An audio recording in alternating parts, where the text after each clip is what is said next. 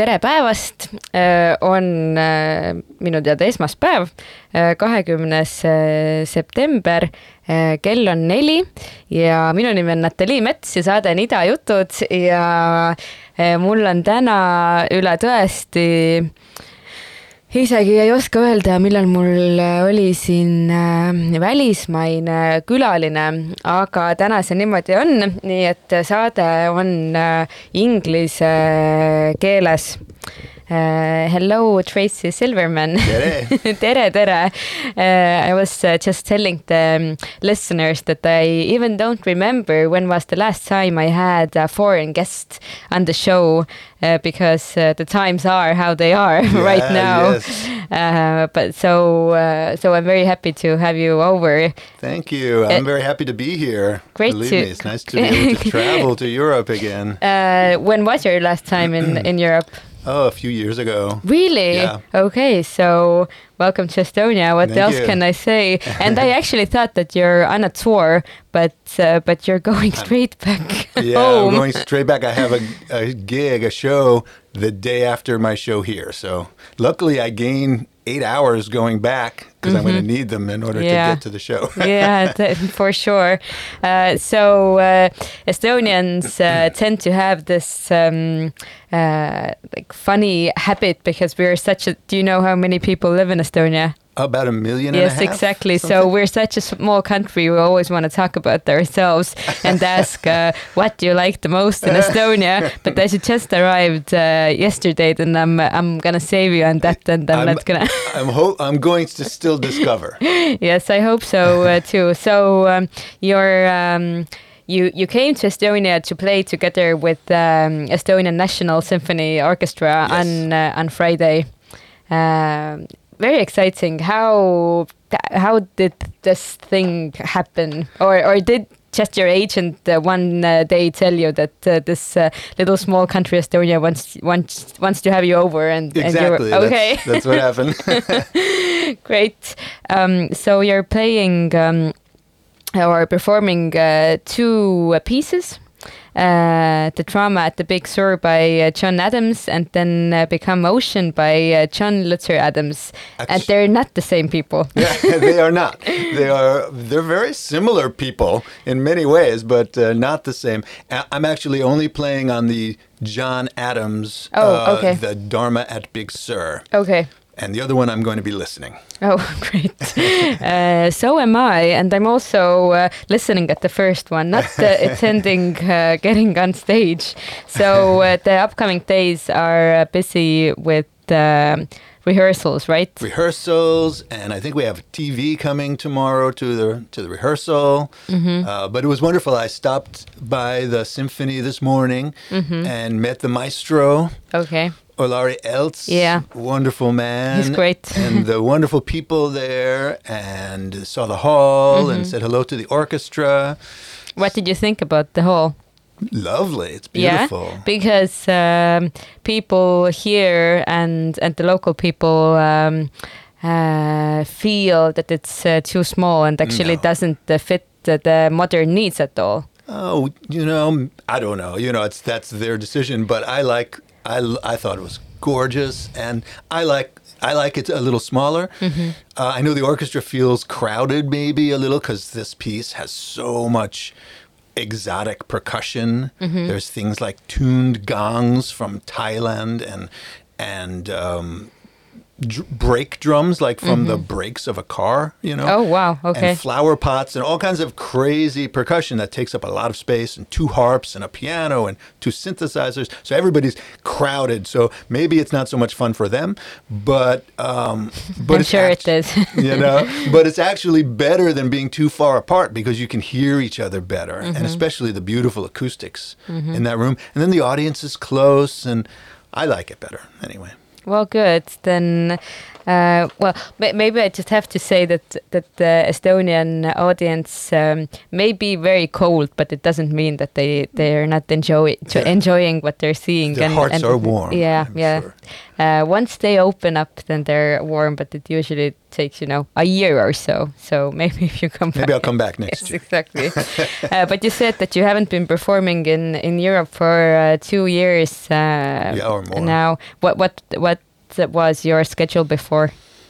Um, well, the last time I was in Europe, I think was in 2016. I did a, a whole series of shows in Stuttgart with the ballet. I played the John Adams, uh, this Dharma at Big Sur, and also two uh, compositions of mine for that I wrote for for electric violin and orchestra, and also a movement of the John Adams regular violin concerto. Uh, so it was a busy and uh, a busy program. Uh, but that was great. I was there for like uh, over a month. You know, I got a really chance to sort of live in Stuttgart for a little bit. I really, I love it. I mean, I, I love the United States, but I, I, it's very nice to get away from it. What's the longest that you've been away?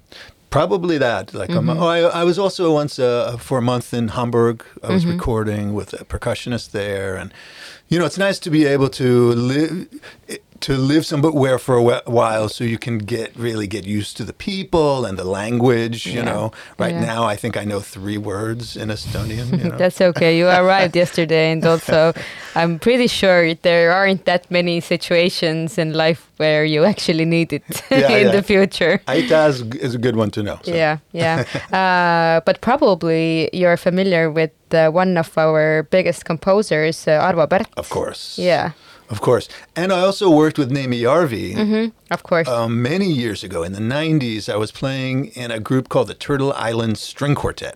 And we were a jazz improvising string quartet. Uh, didn't do we don't do classical stuff just just that in our own original compositions and uh, we recorded a record when he was conducting the Detroit Symphony so it was great to meet him and uh, uh, haven't met his sons but I know this is the birthplace of all Yeah. those great conductors. Yeah, yeah, they're really uh, important for the local scene uh, here, and and actually what they do. So the three of them them is uh, pretty different.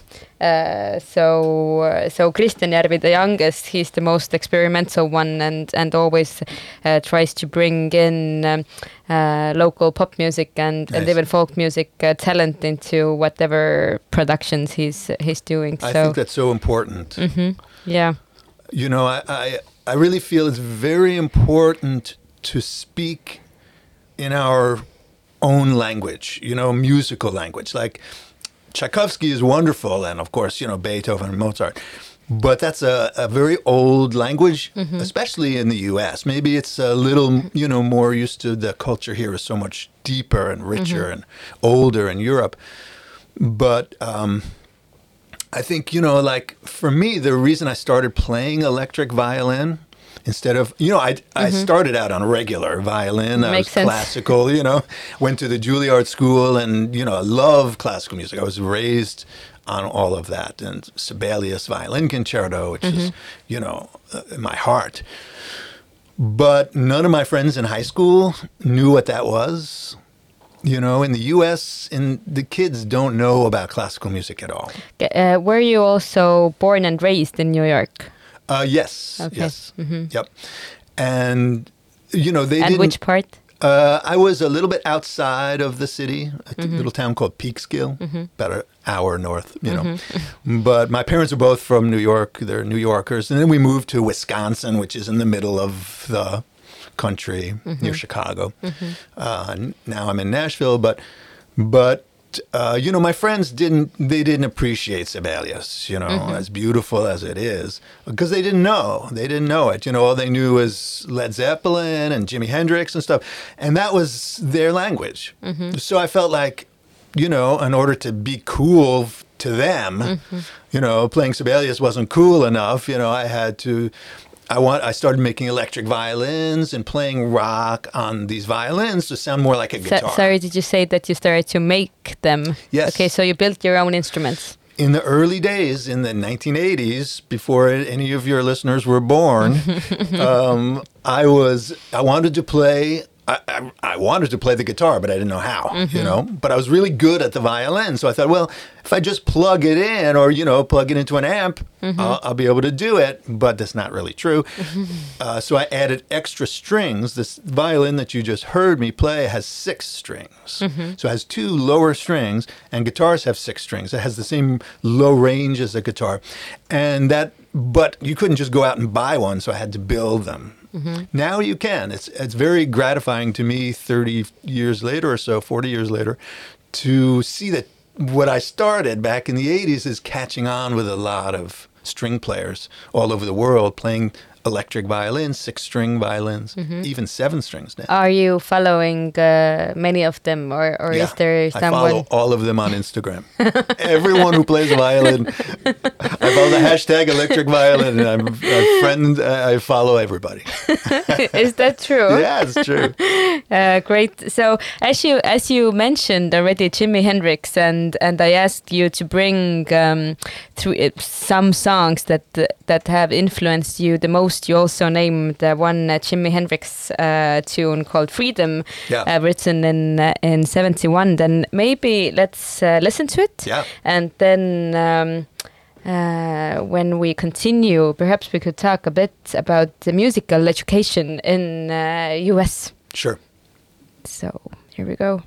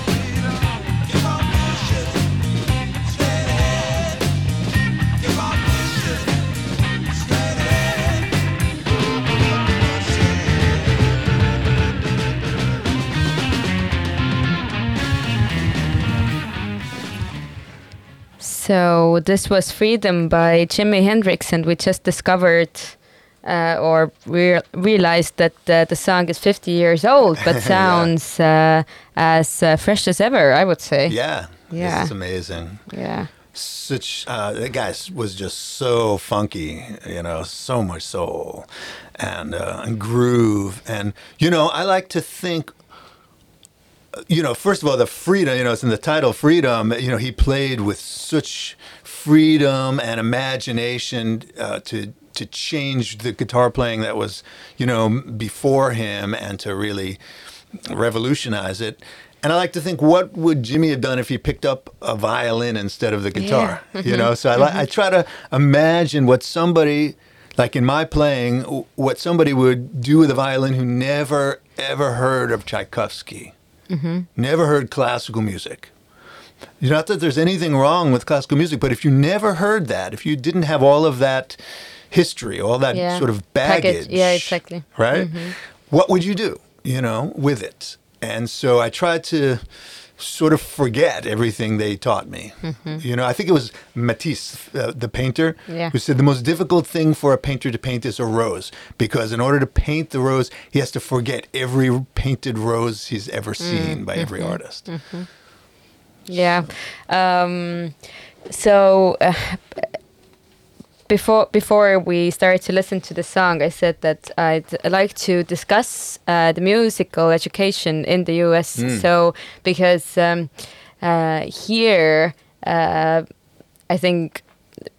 Seventy percent of the children go to musical school Nice. and and learn an instrument, and we have this huge uh, singing tradition, and music is just a very natural part of uh, of our culture. Yeah. um, and and of course we study uh, or learn uh, classical music uh, uh, also in in the school. But but you said that your um, ma- mates or friends didn't know classical music. So No. so how is it uh, in the US It's uh, it's a little sad, you know, that we don't take it seriously enough. You know, right now in the U.S., they there's the big thing in education is STEM, right? Yeah. Science, technology, uh, engineering, math, um, instead of STEAM with the arts yeah yes and this is such uh, such a shame because you know we it's important to train the mind. It's very important to be smart. Uh, but if you don't but what the arts do is they train the heart you know they train your soul to be empathetic to be have empathy for each other. And if we're smart but we don't listen or feel each other what good are we you know? And i'm afraid this is the direction that's happening more and more in the us um, but uh, in terms of music it's almost uh, even in the classical world i have my i have my issues you know um, not to um, say anything bad about my school, Juilliard, or other conservatories. But as a string player, um, there's so much more that you can do other than other than just this classical tradition.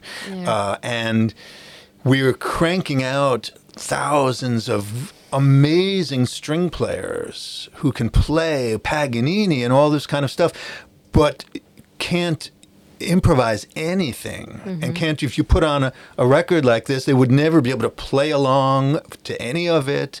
Couldn't play the chords if you put a chord chart in front of them. They don't know what to do with that. Uh, and so classical education while it's very good at one very specific mm-hmm. thing it's not a complete education mm-hmm. you know? Mm-hmm. Um, but And I but think are there any schools that are doing it uh, good? Well, you know, I mean, there are schools that specialize in non-classical, like Berklee College. Yeah. Uh, I teach at a school called the Belmont University in Nashville, and we have a, what we call a commercial department, which is like jazz and bluegrass and things like that. Uh, teach string players how to just read a chord chart and to be Yeah. a full, well-rounded musician and and to take part in our um, popular musical culture, this the culture of today. You know, because every composer, you know, um, Beethoven, Tchaikovsky, all of the great classical music composers and musicians, they were writing in their own voice, in their their their own language, in their own place you know, where they lived, whether it was Russia or Germany or whatever. Um, and in their time, the stuff that people recognized and understood in their language, their musical language. Um, and, uh, you know, it's important for string players to do that, to be able to play in our contemporary language of hip hop and rock and jazz and whatever sort of contemporary. I mean, jazz maybe isn't so contemporary anymore, but you know, rather than only to be able to play music that's hundreds of years old. Yeah. Um, so, you know, and again, there's nothing wrong with that, but it needs to be added to. You have to add to that and, and speak also in a language that anybody can understand. But uh, but how much do you listen to um, contemporary music and contemporary composers? Uh, you mean c- uh, classical contemporary composers? Whatever. yeah. Uh, you know, some, um, you know, compo- great composers like John Adams and uh, Arvo Pärt, and you know, uh, there's there's wonderful music being written every day, and more and more. Uh, John Adams was just talking about this recently on Twitter. Um, more and more the contemporary music world has gotten much hipper you know? It's gotten much more in touch with rock and roll and latin music. Uh, i'm working with a composer right now roberto sierra who's from puerto rico and he writes very much in a puerto rican style latin music.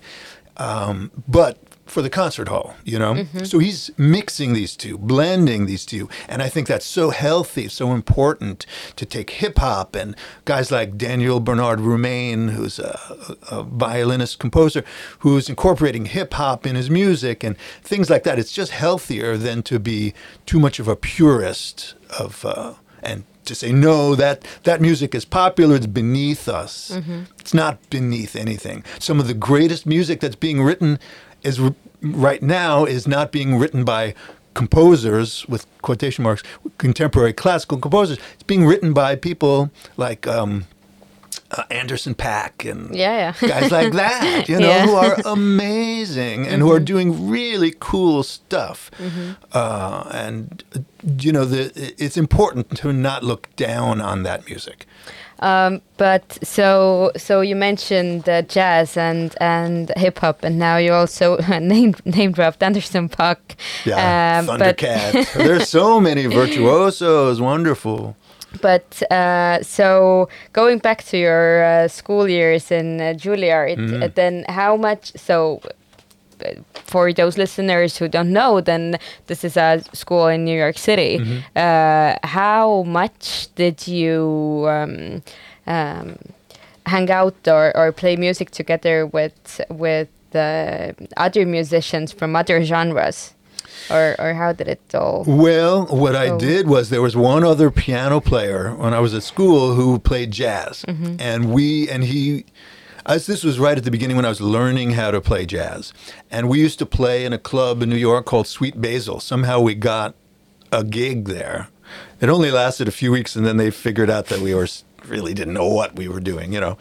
So we were playing this crazy hybrid of classical and jazz that we were it was all the best we could do. uh, I was at night trying to transcribe solos by uh, John Coltrane and learn them by heart and stuff, but I still had sounded very classical. It took me, I like to joke, it took me years to forget everything that they taught me at Juilliard, you know, uh, because it's true. You know, you have all this muscle memory of vibrato and tone and and uh, you know, but jazz doesn't use that. It sounds old fashioned if you use that for jazz. It's like an opera singer singing a pop song. You know, it just doesn't really sound right. you know, um, but you know. Um, uh, I, I tried as much as possible to to learn non-classical music, even when I was at Juilliard. And then as soon as I left, uh, I did graduate. I uh, actually didn't want to finish because I was very, you know, interested in rock and roll already and jazz. But my parents said, "Nope,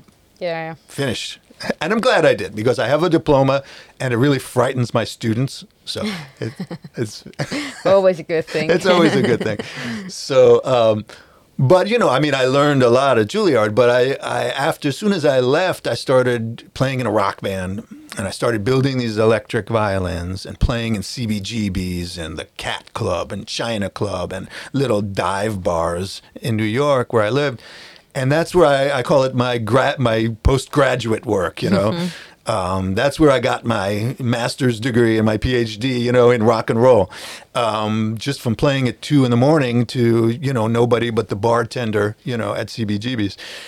Um, and experimenting and hanging out with with all the musicians in the 80s in New York, which um, I know a lot of people think was uh, very cool. And there were certainly a lot of cool things, but it was pretty grungy. Pretty. Uh, it was. I don't. It wasn't the greatest era for New York. It was a lot of crime and all that kind of stuff. It was a very dangerous place to be. And um, but you know, I was twenty something years old, so I was Didn't care that much about no. these details. exactly.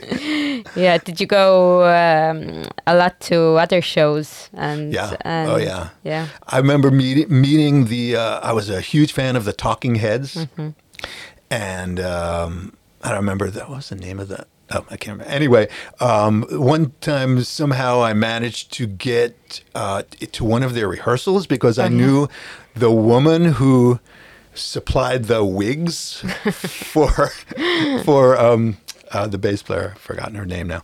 Um, and so she said, "Hey, I'm going to go over drop uh, you know a, wig off." And do you want to uh, come? I said yes. You know, so I so I was uh, got to up to their loft in Astoria, Queens, where they were rehearsing, and David Byrne comes in, and they're going to do a rehearsal. Do you want to stay for a few minutes? I'm like, oh my god, yes. Uh, and then uh, so they're going to rehearse, and David Byrne's looking around for a mic stand, and they, oh, the mic stand's in the truck, you know, it's not here. So he took some tape and taped the microphone to a vacuum cleaner handle. and he's like leaning down into this Hoover vacuum handle, you know, singing and sounding like David Byrne. And I'm just dying, you know. Yeah, uh, I think to remember for sure. Um, so perhaps let's listen to another song uh, that you brought with you. So this is um, Miles Davis. Do you want to say anything about Miles Davis before we start to? Sure, uh, and, and actually, I'll tell you just also briefly about the Jimi Hendrix that we did Yeah, here sure, before. sure, this sure. was when I was 16 for my 16th birthday. I have an older brother, who's two years older than me, and uh, um, he's and I was you know very classical, and he loved rock and roll, and we listened to a lot of rock and roll together. But I didn't have like I was I didn't have rock and roll records, so he bought me three records for my 16th birthday. One was "Cry of Love" by Jimi Hendrix, which that song is on, uh, and one was Jean-Luc Ponty, electric violin player, and the other was Frank Zappa uh, Hot Rats record. Uh, and I listened to these things over and over. They had a huge impact on me. So, so when I hear that cry of love, you know, that was for me the real beginning of like my rock world, you know, because he like gave it to me like here, here's the tablets from the mountain, you know, learn, learn, my my son, you know. so uh, uh, anyway, uh, Miles Davis. What can I say about Miles? Um, you know, I use this song with my students all the time because I have I teach violinists often who are classical violin players and they want to learn how to play jazz and rock. And the first thing I have to do is get them to control their vibrato. You know, that's the shaking sound that uh, you know you hear classical musicians. So I say, listen to this re- this record, this track of Miles Davis, and tell me how many times you hear him use vibrato. It's not there, and it doesn't sound ugly. It sounds beautiful. So let's let's let's listen to it too.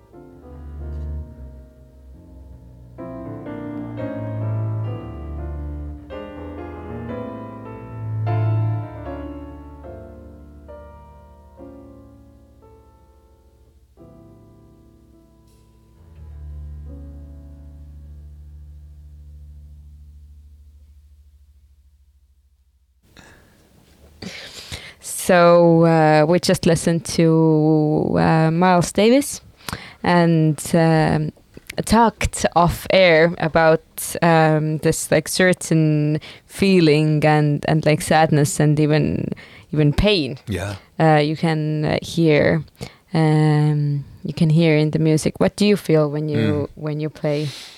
When I play, Yeah. well, it depends what I'm playing, you know. uh, I mean, you know, music can be about pain, it can be about joy.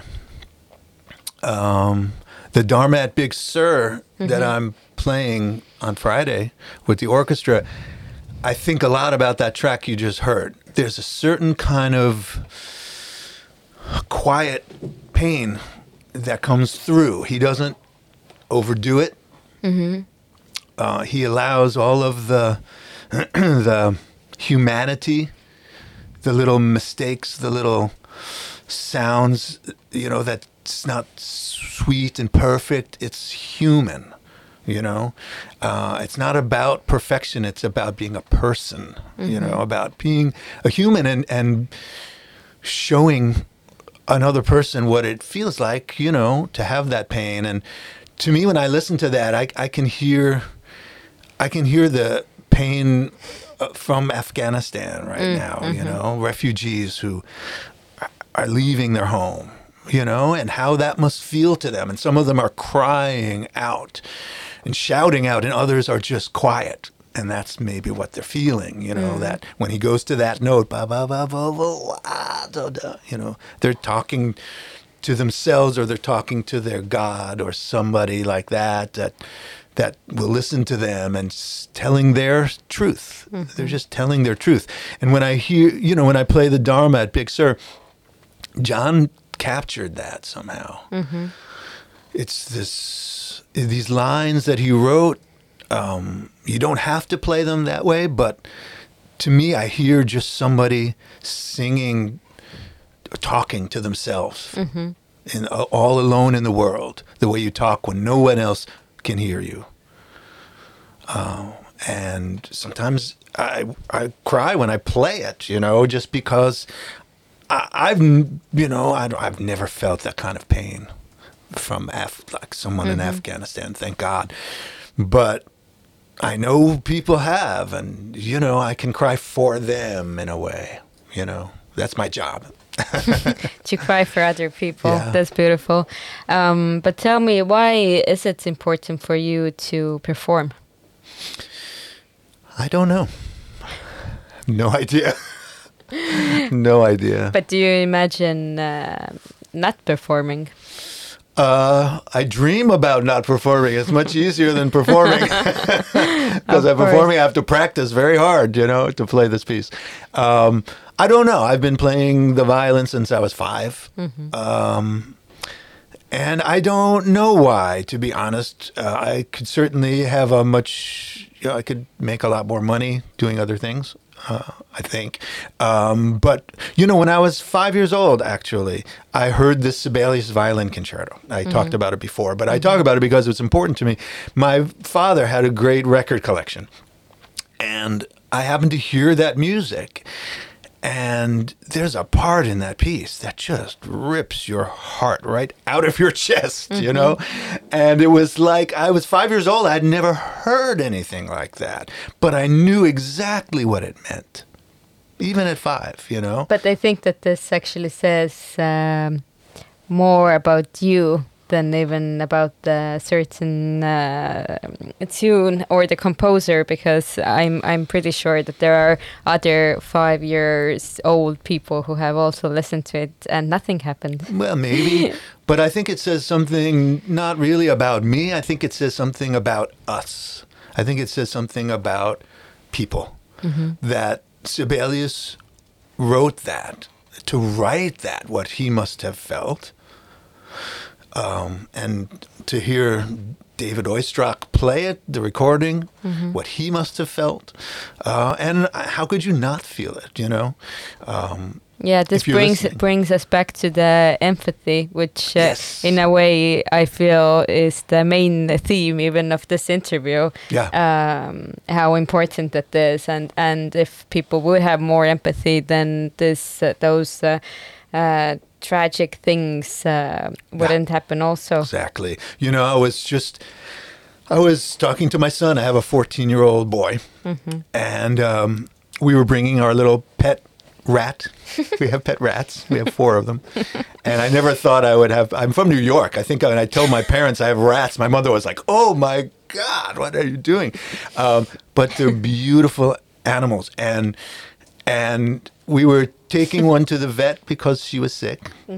And you know, we were in the car and I was telling her, you have to talk to her softly, just really whisper so she knows, so she's not afraid, you know. And I, and I was, and I said, you know, Albert Schweitzer said that uh, if people are kind to animals, they can never be, un, you know, mean to other people. If you can have this compassion for, for the no, he said for the smallest of animals, uh, and I think that's so true. There's no, there's not one animal on this earth. I don't care if it's a little tiniest bug, a little gnat that bothers you. What right do I have to go and you know kill it? I don't know. Who am I to do that? He's living his life or her life completely as important to her as my life is to me. You know? And and if you start deciding, "Oh, that life isn't important." Well, this life isn't important. I'll just I'll just shoot this animal or whatever. I'll kill this animal. It doesn't matter. And it doesn't it starts from the very smallest because it's a slippery slope as we say in English. Um, you know, once you start deciding that you're the master of of one little animal, where does it stop? Exactly. you go to war and you decide, well, that person, that religion, that country. Uh, so it starts. It starts from the very, very smallest thing. But do you think that uh, there is a way to stop it? And Yes. uh, you you think yes. so? Yeah. Kindness. Kindness. but how can we spread kindness? You just do it. You just do it. And that's, you know, I was telling my son this uh, as we're driving in the car. And I said, you have to, if you just show her kindness, she will relax and she will be kinder to the vet and she won't be so, try to, mm-hmm. you know, get upset and maybe bite or something like that. And as we're driving, somebody wanted to make a, a turn and they were waiting to make a turn. And I slowed down and I waved them to mm-hmm. go, you know. And I said, Look, you see that? That person who I just was kind to is going to go home and maybe be nicer to their family because they had a better day. Somebody was kinder to them. And I said, every if you want to change the world, really change the world, doesn't matter how much money you make, if you can just be kind to somebody or something, that will create a ripple. And that little ripple, and you can you can do that more than once a day. you know, every time that you are kind, you are creating a little vibration, a little ripple that goes out into the world.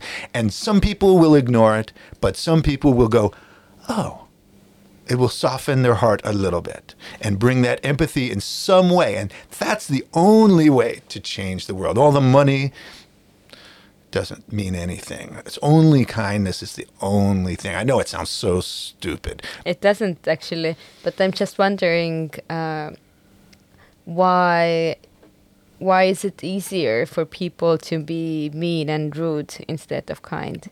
Are they afraid? Because, because the exact opposite is also true. It's a cycle. It's a cycle. It can go either way and very quickly. As soon as somebody is, and I do the same thing. I'm a human. Oh, oh my God. I so many times regret somebody does something mean to me, and sure enough, I, I'm angry and I do something mean to somebody else. It can go either direction. And you can, we can all stop it if we want to. We can change that cycle, but it's not always easy, especially if somebody has done something really mean. Again, Afghanistan, just mm-hmm. because I'm in the US and it's very top of mind mm-hmm. for me, but it happens all over the world. Somebody does that to you, how can you, or some, somebody assaults a woman, you know, rape or something like mm-hmm. this, how can you ever be kind after something like that happens to you. I don't know. It's a miracle. But if somebody shows you enough kindness, maybe it's possible. Maybe. I don't know. We have to try. That's we we have to. Um, so somehow it has happened that Yeah. it is the time for our I talk, last. it's because I talk way too no, much. it's it's all very beautiful. Thank you. Um, it's time for our last um, tune, and this was the only one that I didn't know. yeah. Uh, it's from uh, Egberto Gismonti, if I said it right. and- Gismonti. Yep, very close, yeah. And do you then also want to say the name of the tune? yes, this is called Loro. Laura, okay, this is uh, a bit more easy. Um, do you, can you can you say something about it? Yeah, real quickly. Yeah. Uh, I didn't know Gis- uh, Egberto Gismonti either. Uh, my friend Darol Anger from the Turtle Island String Quartet introduced me to him. Uh, all I'll say about this is that it's about joy. Uh, It's joyful. Joyful. If this doesn't make you happy, nothing will make you happy. Well, uh, big words. but then um, I'll also say thank you for finding the time to uh, come to the studio. My pleasure. Thank you. Um, and I I'm not even sure whether there are any tickets for the show on the. Friday. I hope not, but uh. I I hope so too. I know that I'm coming.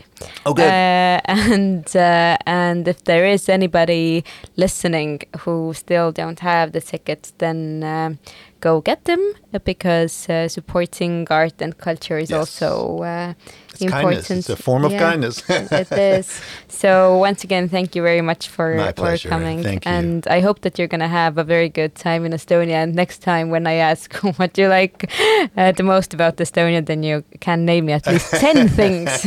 I hope so. Thank you so much. Yep.